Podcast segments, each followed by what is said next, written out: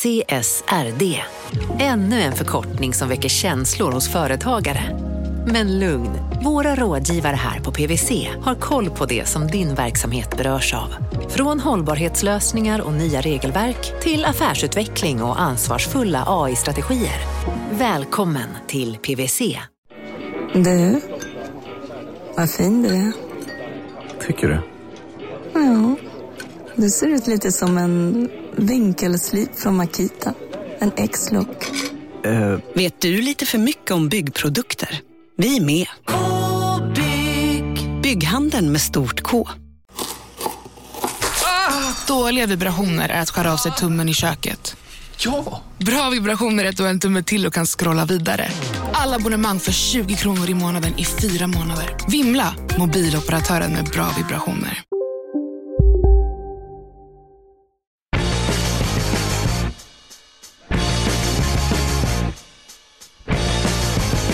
Yes, det är torsdag och det innebär ett helt nytt avsnitt av De kallar oss krypto. Eh, din podcast som eh, guidar dig genom den eh, intressanta och ibland eh, chockerande kryptovärlden. Eh, Vi har ett eh, specialavsnitt framför oss idag med massa frågor från er lyssnare. Så det ska bli väldigt kul att höra vad ni undrar och vad vår expert svarar. När jag säger vi, då menar jag mig själv som heter Mårten Andersson. Eh, entreprenör, extra glad idag, det kan vi återkomma till. Eh, eh, och komiker, men framförallt då eh, programledare för den här podcasten. De kallar oss Krypto. Som jag gör tillsammans med min numera vän också. Ja, Ja, verkligen. inte bara kollega. Nej, nej, nej. Nej, Gunnar Harrius. Hej Mårten. Hur mår du? Eh, jag mår bra tack. Jag känner mig harmonisk och lugn och sådär. Men du är Men du, ser ut extra ha, men du ser ut att ha en, här, en extra eh, pigg aura. Av, eh, är det fel? Mm, nej, jag har börjat eh, träna mycket på morgnarna och sådär nu. Så att jag Aha. kanske, kanske kommer in med lite extra energi i, eh, eller eh, energi kanske är fel, ett, ett annat lugn i, i, i, i morgnarna. Ja, för lugn är det man känner att du saknar. det blir ännu lugnare. Ännu det är lugnare. Godnattpodden. Exakt. Eh, men vad fint. Sen, sen ringde ju du mig också typ 07.16 idag i panik. Eh, och Ja. då, då, då, kunde jag, då kunde jag ju lugna dig ytterligare, så det var ju skönt. Ja, det var otroligt snällt av dig. Mm. Gunnar gör ett hästjobb med den här podden, så eh, hatten av för det. Eh, och kul också, folk har kommenterat din frisyr. Att man blir ägd av din frisyr. Ja, ja det, det är ett, lite svårt att veta om det är en komplimang eller inte. Jo, men det är en komplimang. Ja, det där men- krullet skojar man inte bort. Nej, det gör man ju faktiskt inte. Det är Nej. lite rodskjulligt eh, Ghost Crypto. eh, den enda som möjligen skulle kunna eh, slå dig i, i hårsvall är ju våran expert, vårat orakel som är tillbaka idag. Det är vi glada för ju, Gunnar, jätteglada. Ja, han sitter ju faktiskt bredvid. Ska vi ta, ska vi ta in? Hej Vahid Tosi. Hej, hej. R- Ruggigt kul att vara här. Ja, det var länge sedan känns det som. Ja, det var det. det vad var det? Det var kanske en månad sedan eller två, va? Jag tror det var ännu Var det majkraschen? Ja, det var majkraschen. Nu är det krasch igen så nu måste vi ta in dig. va? Vad gör vi? Säljer vi? Köper vi? Exakt. Eh, Jag skrev ett intro till dig eh, som vi inte tog nu, men då beskrev jag dig som hertigen av Hoddel. Hur känns det? Ja, men det känns ganska bra. Jag, eh, jag, jag gör vissa vi, omallokeringar, men i övrigt så håller jag. Mm. Absolut. Bra. Det, det, det, man gillar hertigen av Hoddle. Ja, verkligen. Vi måste ha några egna sådana där också. Ehm, eh, the Shaw of Shitcoins. Ja, det är jag då eller? eller något, på mig kommer det vara något med hävstång. Hertigen av hävstång. exakt. Nej, vi håller oss undan hävstång. Hävstång kan ju faktiskt vara en av de grejerna som har gjort att bitcoin har kraschat. Men låt oss återkomma till det lite senare i podden. Vi har alltså ett frågeavsnitt där ni lyssnare får möjligheterna eh, då och då här i De kallar oss krypto att ställa frågor till våra experter som då är Vahid Tosi och Anna Svan. Och vad, om man vill ställa frågor, om man känner att jag vill ha haft en mer en fråga, vad gör man då Gunnar? Ja, men det, det säkraste sättet det är att ringa till vår telefonsvarare eh, på nummer 010 750 0981. 010 750 0981. Ja. Eh, sen kan man skriva också, men då har man inte lika stor chans att komma med. Och det är allt fler som eh, ringer, så Ja. det är vi Idag har vi bara telefonsvararfrågor till exempel. Ja, nytt, nytt rekord. Tack för att ni lyssnar och tack för all kärlek vi har fått eh, för de senaste avsnitten. Vi är superglada att vara tillbaka efter sommaren. Eh, Bitcoin står i talande stund i eh, strax över 45 000 dollar och det är ett tapp på nästan 10 000 dollar och det gick oerhört fort. Det här hände på alltså, i knappt några timmar Ja igår då. V- Vahid, ska vi kasta oss in i det bara? Så har du någon analys om vad, vad det som hände? Är det en, en vanlig korrigering som du brukar säga eller, eller fanns det några andra bakomliggande orsaker till att det bara smällde till? Uh, nu tittar jag precis, nu står den i 46 000 dollar så att det går ganska fort upp och ner. Jag har ändrat det här målet typ sex gånger nu på morgonen. Nästan 47 000, Ja, 48, precis. 48, 42. I, i, exakt. Nej men alltså jag skulle nog säga, uh, den nivån som vi är på idag på runt 46 000 dollar, uh, det är vad vi var på en vecka sedan. Så att det är inte så att det är, alltså det, jag tror att man blir ganska fartblind ganska snabbt och tänker så här, oh nu kraschar det 20% Så glömmer man bort att det ka- kanske gått upp 30% senaste veckan. Så att uh, jag skulle säga att det är ganska hälsosamt. Alltså om man tittar på det totala market cap för alla kryptovalutor växer ganska liksom eh, konstant. Tittar man på bitcoin dominance så ligger det runt 40% vilket också är ganska hälsosamt. Tittar man på eh, hur mycket coins flyttas in och ut ur exchanges. Eh, Just nu så flyttas väldigt mycket coins ifrån exchanges. Det vill Vilket säga, är positivt då. vilket är positivt. Betyder att folk har ingen i avsikt att sälja eh, i, i närtid. Eh, Tittar man på hur eh, valar ackumulerar så är det, sker det någon form av rekordackumulering just nu.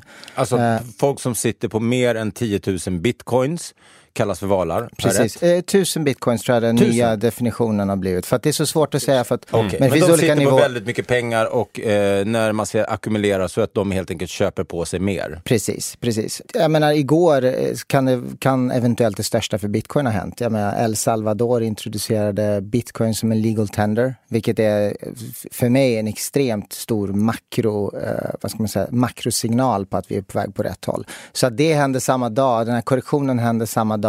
Det kan man ju bli konspiratorisk kring också eh, och det kanske vi kanske kan bli lite senare.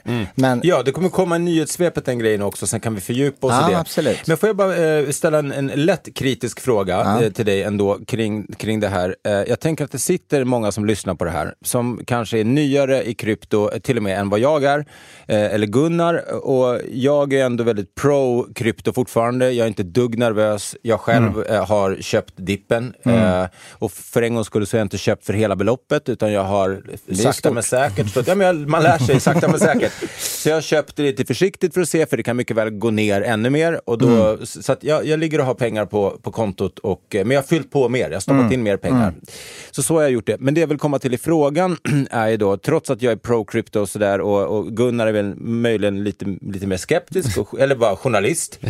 Ehm, till de som sitter då, som inte kanske är lika djupt inne i det som du, och som kanske sitter oroliga nu, eh, för, det, det vi såg var ju panik. Ja, ja, När verkligen. ett sånt där candle eh, händer då, alltså eh, dagscandle som bara, man tappar 10 000, 12 000 dollar på så kort tid. Eh, jag misstänker att du kan förstå dem, men vad, vad, vad skulle du säga till dem? Mm. Hur ska de tänka? Ja, alltså eh, det betyder egentligen eh, om man inte har varit med om en sån här upplevelse tidigare så har man varit i krypto mindre än fyra månader. Ehm, och jag, jag tror att man ska räkna med att det kommer flasha ur eh, ganska många gånger framöver också. Men det som hände igår är i princip det som hände i maj. Det vill säga att det kanske är någon, en eller två stora valar som säljer, eller fler, en, och säljer för, för tapp på kanske 2-3 procent. Men så kommer hela den här likvidationsprocessen igång med alla eh, hävstångsköp och så vidare. Så det blir liksom en kaskadförsäljning. Så det är egentligen inte en, det är därför den studsar upp lika fort också. Det är inte en naturlig försäljning utan det blir att folk blir likviderade. Bara igår så var det ungefär 4 miljarder dollar som blev likviderade eh, på den här försäljningen. Så att även fast det tappar, det blir, man printar som man säger en 10 000 candle eller 10 000 dollars candle så de faktiska volymerna däromkring kommer mycket från eh, ja, hävstången och inte från faktisk spotförsäljning.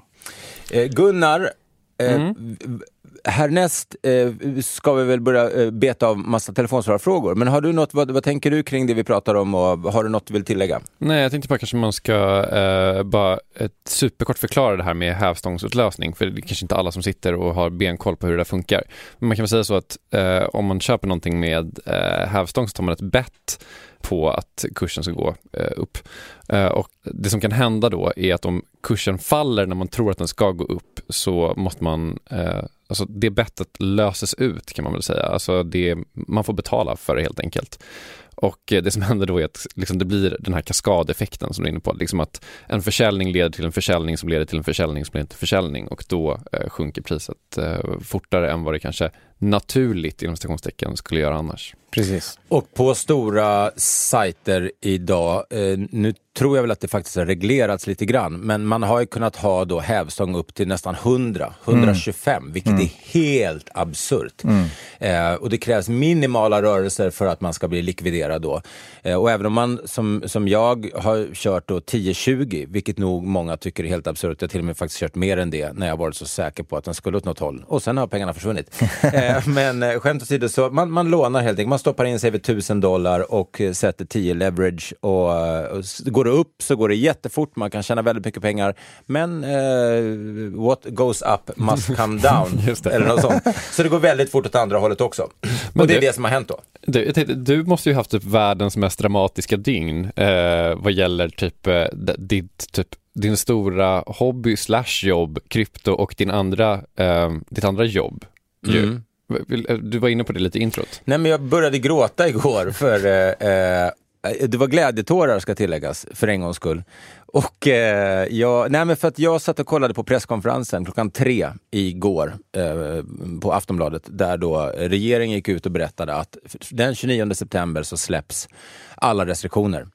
Och för de som då eh, inte vet det så driver jag då Raw, standupklubben Raw och äger den. Och vi har haft stängt sedan mars 2020. Så att jag skulle börja spela in någonting på min Instagram en story och började bara gråta. Ja. Jag vet inte, det kom från ingenstans. Jag var, det var så mycket känslor och, och så, men herregud vad mycket kärlek folk har skickat eh, efter det där. Eh, men men det, jag blev väldigt, väldigt rörd. Så superglad och vi har börjat liksom satsa. Så att nu kommer vi göra julshower och vi släpper upp klubbkvällar och vi åker på turné. Så det händer massor i höst. Man får jättegärna gå in på rawcomedyclub.se om man vill skratta. Men sen då när man är glad, sen kommer kraschen. eh, va, äh, alltså jag har ganska mycket altcoins också, så det, det sa ju bara pang! Vilket det ju gör. När bitcoin faller lite grann, då faller alls ännu hårdare. Så det hände och sen fick vi reda på att vår förskola har gått i konkurs. Så att det slutade ändå med att jag grät ändå. Och, återigen, inga glädjetårar. Det är så här, älskling jag är gravid, blir man glad. Fast ja. det barnet är inte ditt, ja, det är din brorsas. Ja. Exakt den, det var, det var väldigt bra sammanfattat hur gårdagen var. Oh my god. Ja. ja. men det är väldigt kul att vara här. Det är väldigt kul att ni lyssnar på podden och som alltid, vi blir superglada om ni ringer in era frågor. Eh, ännu gladare blir vi om ni recenserar oss och eh, pratar om podden till kompisar. Det blir så jävla kul. Jag var på gymmet igår. Ja. Och så kommer det fram en kille, och jag tränar eh, eh ute där vi bor, i, i, Stockholm då, och det kommer fram en kille och visar upp eh, sin telefon. Jag fattar ingenting. Och sen kollar jag snabbt, det var eh, våran podd, han lyssnade på våran podd och gick med lurar. Ah. Med tränare. Wow. Och då blev, jag blev riktigt glad. Eh, om du hör det här så... Hade du ett såhär I have arrived moment nu? Ja, men det hade jag faktiskt. Mm. Ska vi dra igång? Vi ska väl det. Uh, vi ska prata om jättemycket saker. Vi ska prata om eh, uh, framtida priset för bitcoin. Det är ju, det är ju lite ostadigt just nu. Uh, vi ska också prata om vilka altcoins du absolut ska undvika. men först ska vi prata om det här.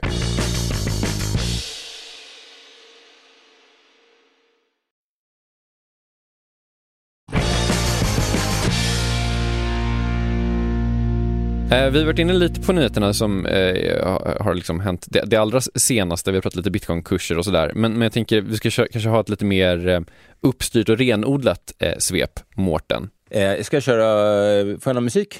Nej. Nähä. Det var ett tag sedan det röstades igenom, men nu är bitcoin officiell valuta i El Salvador. Inför lanseringen så har staten köpt 400 bitcoin. Något som eventuellt eh, faktiskt hjälpte till kursen att gå upp till 52 000 dollar. El Salvadors president Nayib Bukele, som av många beskrivs som en diktator faktiskt, eh, säger att implementeringen kräver tålamod och att bitcoinanvändningen kommer att ha en inlärningskurva för befolkningen. Efter införandet har värdet på bitcoin gått ner dock och natten mot onsdagen så föll priset med 13 procent. Protester i landet har utbrutit och runt tusen personer samlades i huvudstaden San Salvador för att uttrycka sitt missnöje över införandet, rapporterar BBC. El Salvadors egen kryptoplånbok Chivo har haft stora problem under den inledande dagen och stängdes till och med temporärt ner med hänvisning till tekniska problem. Bukele håller dock god min och menar att landet kommer att köpa dippen och addera ytterligare 150 bitcoin till landets valutareserv, eh, vilket de också faktiskt gjorde. Veckans stora kursraket i kryptovärlden har stavats Solana. Coinen nådde ett all time high på över 190 dollar i veckan och tittar man på den senaste månaden så är Solana upp över 300 procent. Veckans hås kom efter att det stod klart att kryptobörsen FTX kommer att lansera sin nya NFT-plattform på Solanas blockkedja. Solana, som ofta beskrivs som en utmanare till ethereum, gick därmed om Dogecoin och är nu världens sjunde mest värdefulla kryptovaluta med en market cap på 47 miljarder dollar. Apropå NFT så är det allt fler aktörer som hoppar på NFT-tåget. Nu senast är det italienska modejätten Dolce Gabbana som auktionerar ut en kollektion med NFT-kläder och det rapporterar bland annat Trio News. nft då är kopplade till illustrationer och digitala konstverk som föreställer riktiga, inom citationstecken, kläder från Dolce Gabbana. Tanken är även att de ska fungera som klädesplagg i en virtual reality-värld. Vilken VR-värld det handlar om går dock företaget inte ut med än. Jag ska tillägga också att jag själv äger eh, Solana. Mm. Lät det, det lät lite vagt. jag äger Solana. jag, jag, det är jag som äger Solana. Det är Raw och Solana äger jag. Eh, nej, men jag, jag äger eh, Solana så att ni vet det. Eh, och inte hör av er och säger att det där inte kändes snyggt. Eh, Jaha, kära vänner, vad, vad säger ni kring nyhetssvepet? Var det någonting, Vahid, som du fastnade på där? Um, förutom att jag äger Solana. förutom att du äger Solana.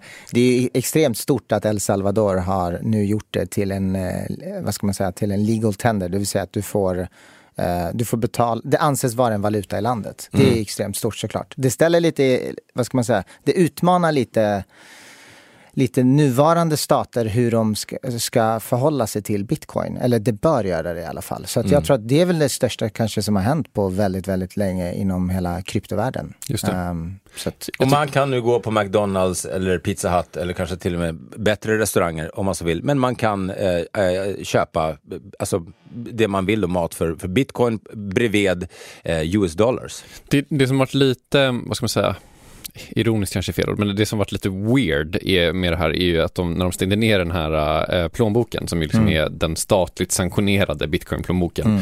äh, att de var tvungna att stänga ner den, då känner man typ så här, vänta nu, var inte tanken här att stater inte skulle ha någon som helst kontroll över den här valutan och så, mm. så går liksom mm. eh, staten in och bara så stänger ner en betalningsmöjlighet för alla som, för det, det är liksom den de ja. ska använda. Jag kände så här, så jävla decentraliserat det är inte det här. Nej, nej. Absolut, det, det, kan, eh, det kan tes konstigt men det, kanske är det så att eh, alltså, man, man stänger ner UX eller UI mm. men man stänger inte ner själva valutan. Det nej, nej, det gör man ju såklart man inte. Man kan fortfarande och, accessa ja, den. Och det har gått en dag, ska vi vara otroligt tydliga med också. Precis. Ja, det blir ett tryout-land lite grann, fast mm. i skarpt läge. Mm. Mm. Um, kan man tycka vad man vill om det. Um, om vi kollar vidare på nyhetssvepet. Um, Solana pratade vi om och även den här NFT-boomen. Mm. Hur, hur sugen är du på Dolce Gabbana-kläder? alltså jag tror helt klart att det kommer bli en a thing, såklart. Absolut. Och eh, jag är faktiskt också eh, ganska stort fan av eh, Solana. Eh, och eh, Sam Bankman-Fried som har startat Solana och bland annat FTX och även Serum. Så att det är ett, han är ett fullkomligt geni, det är liksom Vitalik 2.0 nästan dessutom ödmjuk och... Äh, men, och all, samma hår som Gunnar. Äh, påminner lite grann om det faktiskt. Ja. Äh, så att, äh, men jag är stort fan av Solana. De, de tar en annan approach på hela decentralisering och de tar en annan approach på, vad ska man säga, transaktioner per sekund och så vidare. Och så vidare. Så att jag, jag är stort fan av Solana. Jag är inte förvånad riktigt att de har rusat. jag skulle inte se det som en omöjlighet att de fortsätter rusa helt enkelt. Just det. Cool. Och eh, no financial advice. Nej, såklart eh, inte. Som, som alltid. Eh, och eh, avslutningsvis NFTs, ah, herregud vad det, vad det smäller. Jag, jag, vet att Melton The Mirrors, hon köpte ju en sån här Ether Rock. Aha. Alltså hon, är ju, hon, är ju, hon kan ju sluta jobba om hon hade velat nu, bara på att ha köpt en, en JPEG av en sten. Ja, ja, absolut. Vad absolut. är det som händer? Ja, alltså, jag tycker det här med NFT är ganska intressant för att uh, utan att för att bli för, gå in för mycket på djupet på det. Men alltså västvärlden har alltid sagt att så här, vi behöver inte krypto. För, om man tittar på Sverige, vi har liksom Swish, vi, vi litar på våra banker, vi litar på våra stater och vi behöver inte krypto. Mm. Uh, så att man har liksom, den har liksom inte fått någon adoption. Nu kommer det någonting som råkar vara krypto men som faktiskt är intressant för västvärlden. Det vill säga vi kan ha liksom digitala signaturer online som ger oss en viss äganderätt över någonting. Om det är en flex eller om det bara är liksom, om det är en tillgång online, whatever det är. Så helt plötsligt så finns det en anledning för västvärlden att interagera med NFT mm. och med blockkedjan. Så jag tror att NFT kommer vara betydligt större än många andra vanliga payment, eh, vad ska man säga, eh, payment coins. Mm. Jag tror NFT är betydligt större än bitcoin. Fan, det känns som att vi har pratat sjukt länge och inte tagit en enda lyssnarfråga. Nej, men då kommer den här då. Ja. Hallå gänget! Kristoffer heter jag, ringer från Tyresö. Jag är nyfiken på hur ni ser på prisutvecklingen för bitcoin eh, på lång och kort sikt. Typ slutet på 2021, sen tre och fem, tio år framåt. Japp, tack för en grym podd och må väl! Tack så hemskt mycket. Världens lättaste fråga. Uh... Exakt. Om, eh, tre år, fem år, sju år, nio år, tio år. Och, och även i slutet av 2021. Om man, om man tittar på vart bitcoin befinner sig just nu. Alltså vi har haft, historiskt sett för bitcoin så har vi haft tre cykler. Eh, 2013, 2017 eh, och, eh, och 2018 kan vi säga. Och så hade vi nu en, en minicykel senast. Jag tror faktiskt, och det här är en lite contrarian view, jag tror att den här cykelperioden kanske är på väg att försvinna.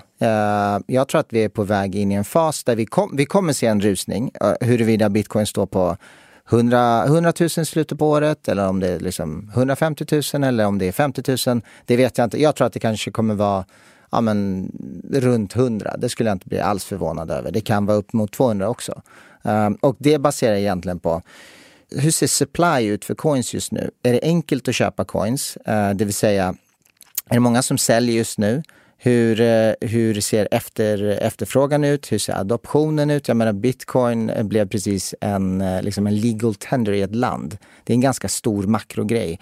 Jag vet att det är massa stora företag. Bland annat för två veckor sedan så var det någon entitet som köpte en miljard dollar worth of bitcoins.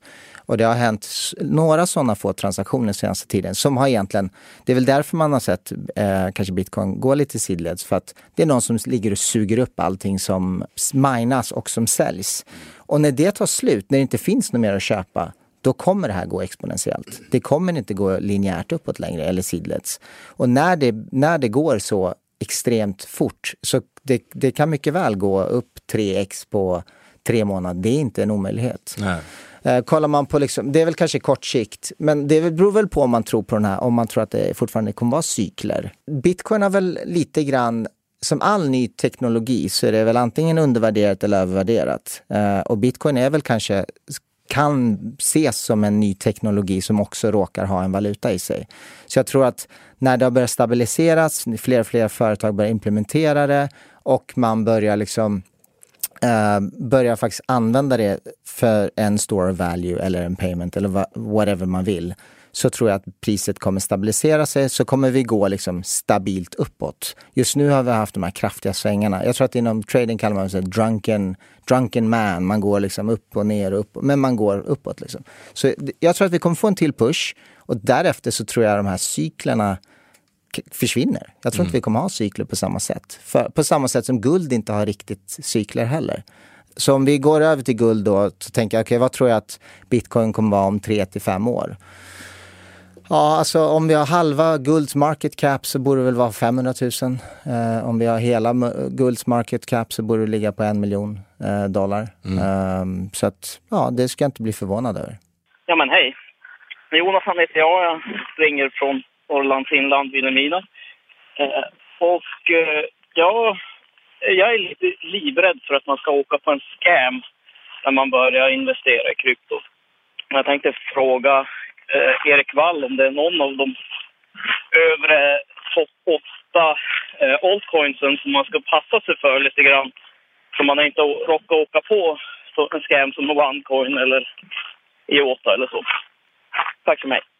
Eh, jag har faktiskt pratat med Erik Wall om den här frågan, för han ställde den faktiskt till Erik Wall och jag tänkte, äh, det är klart vi ringer till Erik Wall. Eh, och eh, han är ju då the altcoin slayer. Han gillar ju inte skitmånga altcoins, ska ju sägas. Ja, ingen skulle jag vilja säga. Men det han tog upp först var en coin som heter Hex. Den är inte topp 8, den ligger på 201 på CoinMarketCap, men den har en, en jättelåg omsättning och så att, den, den, är liksom inte på den listan på det sättet. Knappt värd att nämna, knappt. Men alltså den är värderad till 68 miljarder dollar, alltså det är liksom 500 miljarder spänn. Det är, tycker jag ändå är värt att nämna på något sätt. Eh, och jag vet att det, på tal om krypto-Twitter, det är en valuta som nämns då, då eh, faktiskt. Ehm, och ja, han, Erik Wall tycker att det här är någon slags internt kasinospel. Eh, bara för förtydliga så kan vi säga att när, han, när Erik Wall säger låsa upp så menar han liksom alltså locka dem. Alltså man, man, man kan inte använda dem, man, man låser dem för användning under en, en, tid. Det är en del av hur Hex funkar.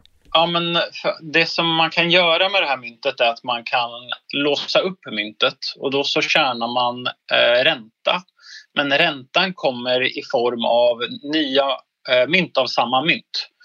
Uh, och det är det enda som sker. Det, det, I vanliga fall när man, när man tittar på ethereum och, så, så, är, så, och andra sådana proof of stake-mynt då finns det något syfte till att man låser upp myntet. Man, man utför något arbete och därför så får man någon inflation uh, tilldelad till sig. Men i det här myntet så, så gör man ingenting. Man bara låser upp mynten en viss tid och så får man, uh, så får man ränta helt enkelt i samma mynt vilket späder ut alla som har myntet. Själva funktionen känns ju rätt dum, liksom, att du bara låser upp dina mynt och så får du fler mynt. Men du säkrar ingen blockkedja, du lånar inte ut eh, dina pengar till någon annan. Du erbjuder ingen leverage till någon. Eh, att, I och med att fler och fler personer vill ha den här räntan så låser de upp sina mynt. Ju mer mynt du låser upp och ju tidigare du gör det och ju längre du gör det, ju mer mynt får du. Eh, så då blir det så att alla låser upp sina mynt då eh, för att de vill ha den här räntan och då finns det nästan inga mynt som, som tradas. Och eh, då så, det är därför handelsvolymen är så låg. Och det gör då att när folk försöker köpa det här myntet går priset upp i taket eftersom det inte finns någon likviditet. Ehm, och helt plötsligt så kommer man upp på en sån här market cap som är då 58 eh, miljarder dollar vilket alltså skulle vara högre än eh, Dogecoin och högre än Solana. Men det, det, den, den, gör ingenting. Liksom. Det, den faciliterar inte liksom någon säkerhet för något. Alltså bitcoin och ethereum och alla de här mynten, de är inte bara mynt utan de eh, säkrar ju också upp en hel blockkedja eh, själva. Den här mynten säkrar inte upp någon blockkedja, den gör ingenting. Det är bara det här liksom, spelet. Så det myntet är väl det mest suspekta. Bra Erik, alltså, så det, det ska man ju passa sig för då. Men frågan handlade ju inte om topp 201. Nej, alltså det är ju så åtta blir... i omsättning. Eh, eller åtta i market cap value är det. Men, Men det... det... listas som 201 för att det har en låg handelsvolym.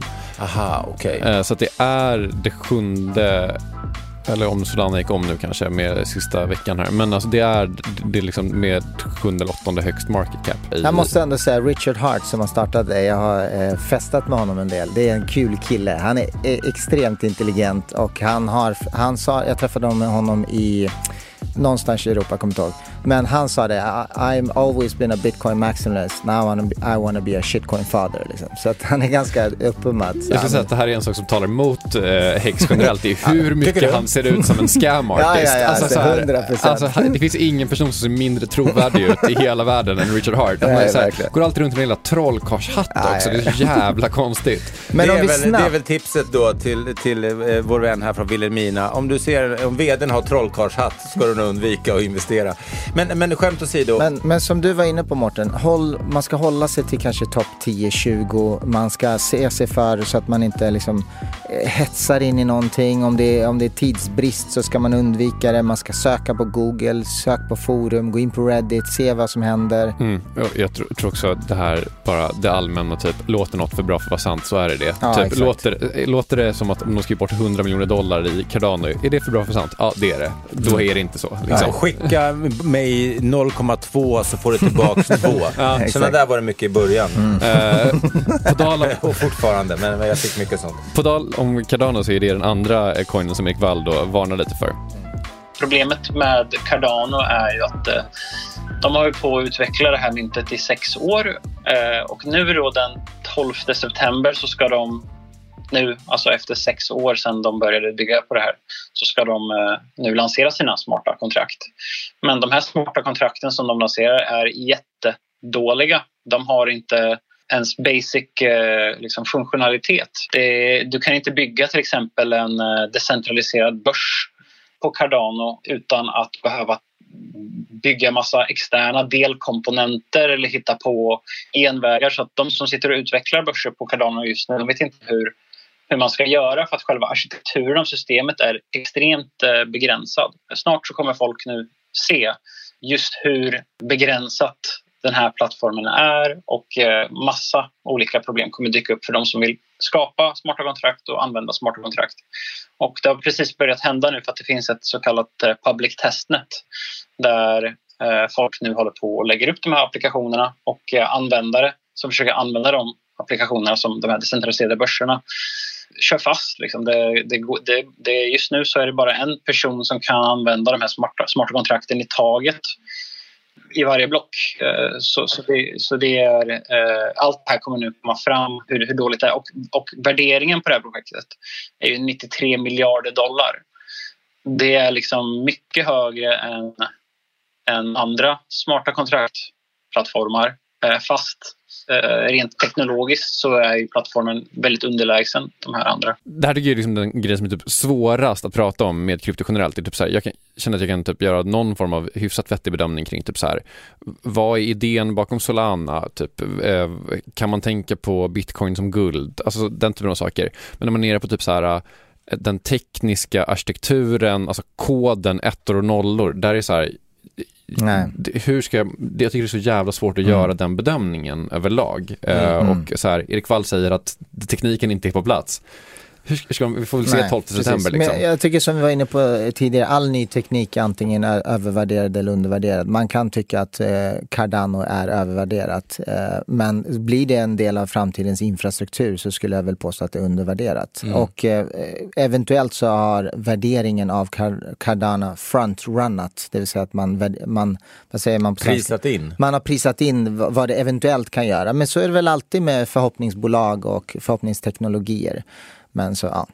Jag vet inte, för egen del äger jag en, en, en, ja, en, en del Cardano och jag, jag är lite nojig inför 12 september, alltså nu på söndag. Därför att jag tror att det kan gå två håll. Det kan bli så att det, det blir en flopp, att, att de skjuter på det, att det tekniska inte funkar eh, och att de inte levererar och då kommer den ju sjunka som en sten. Det är mm. jag rätt säker på. Men den kan också sticka åt andra hållet. Så det känns lite lotteri och då ska man väl egentligen inte vara inne i det.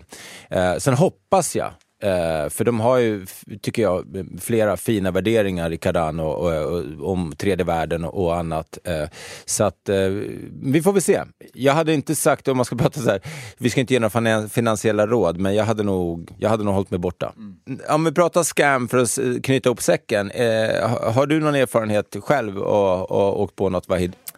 ja men det har jag, absolut. Jag låg på en strand i Italien och det var en kille som försökte fisha mig. Det vill säga han utgav sig för att vara en eh, support från eh, Binance och eh, extremt sofistikerad. De har tagit över min mailadress och allt därtill. Så att absolut. de, så att de bad, bad mig att signera med min authenticator key och så vidare. Men där någonstans var det så ah, nu känns det här inte rimligt. Liksom. Men absolut, jag har blivit utsatt. Eh, jag har ju varit med om en ordentlig scam. Eh, en så kallad pump and dump som jag inte visste vad det var när jag började med krypto. Eh, jag var med i en telegramgrupp där de gick ut och sa till alla de här medlemmarna att vi kommer på ett givet klockslag, säg 23.00, kommer vi berätta vilken coin det är vi kommer pumpa. Och det funkar så att vi kommer pumpa upp den till, till ett jättehögt pris för att vi är så många som går in och köper samtidigt och, och sen säljer ni och kommer tjäna eh, 10x på det här. Varpå jag dunkar in eh, en del pengar och på givet klockslag köper jag och alla köper och, eh, och den sticker under några sekunder och sen faller den bara. Alltså det bara smäller. Det går så fort ner. Och eh, jag lyckades sälja ganska snabbt för jag fattade att det här, det här ser inte bra ut. Men jag förlorade ändå några tusen dollar på det. Eh, men det jag förstod i efterhand var ju att de som hade initierat det här satt såklart på coinsen själva och bara väntade på att den skulle sticka upp genom att vi idioter eh, köpte. Och sen så sålde de av till massiv vinst och alla vi andra förlorade pengar. Så att eh, håll er borta från pump and dump på, på um, Telegram och över, överallt. Du hade inga moraliska liksom, dubier kring att vara med i det här till att börja med? Nej, jag ville bli rik.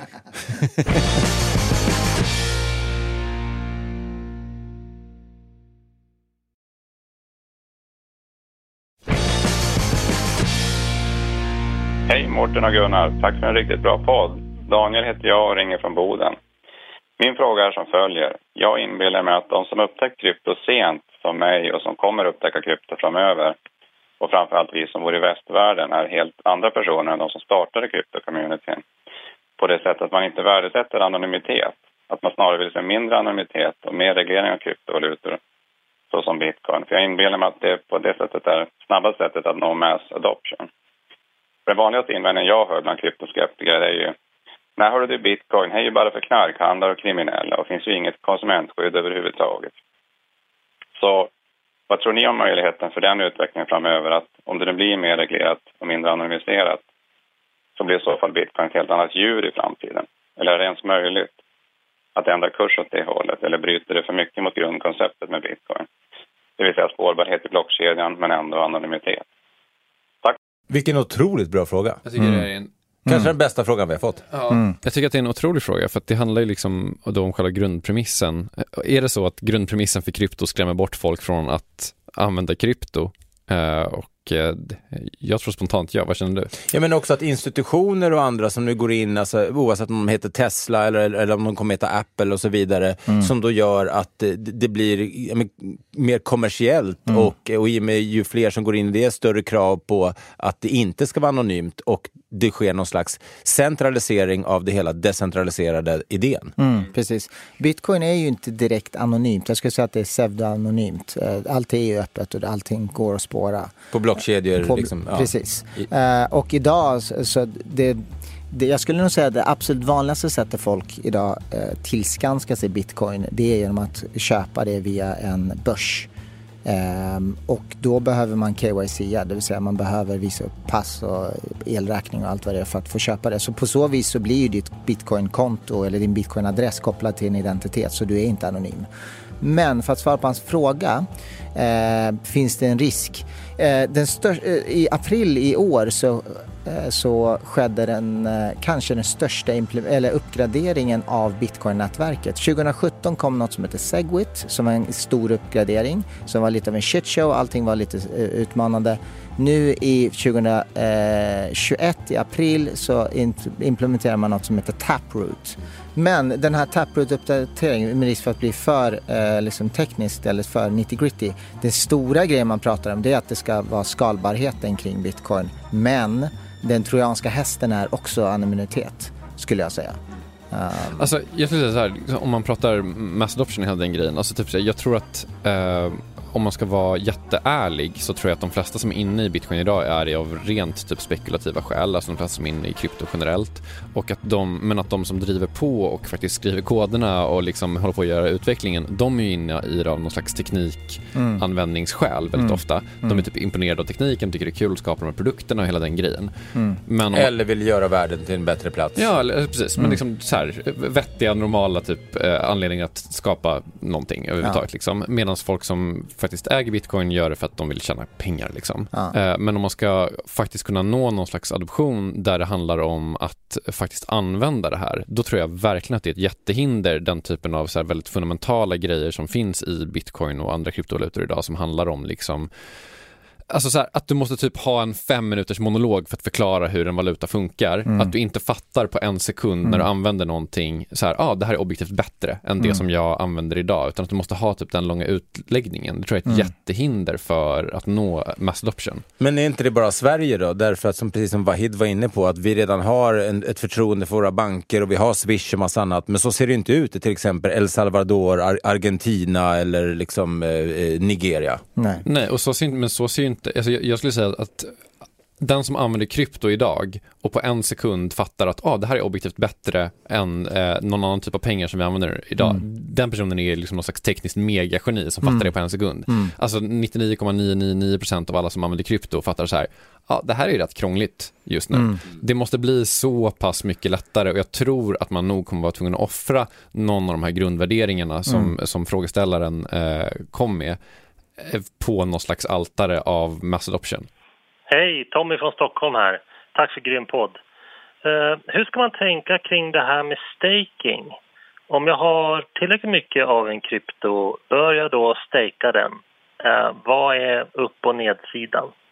Tack så mycket. Ja, alltså eh, staking, jag, jag tror att de flesta vet väl vad staking är. Det är eh, att man låser upp på ett eller annat sätt sin kryptovaluta i ett proof of stake-nätverk för att vara med och eh, antingen bidra till säkerheten eller i, i vissa fall bara få eh, coins av det coinet. Eh, fördelen är väl att om man tror på eh, valutan så och man tror, man tror på att den eventuellt kommer bevara sitt värde eller whatever, så finns det väl en anledning att stejka för då kan man få mer av den valutan. Eh, om, man in, om man inte tror på den um, och man, vill, om man är inne på en trade, Um, jag vet att i, i vissa protokoll, om vi kollar på Binance Coin, BNB, den, den stakingperioden är sju dagar. Um, då kan du inte röra dina coin på sju dagar. Så att om det då kommer som en krasch som igår och du känner så här, oj, det här hade jag velat sälja, jag hade inte velat sitta kvar, då kan du inte sälja. Så det är väl kanske nedsidan.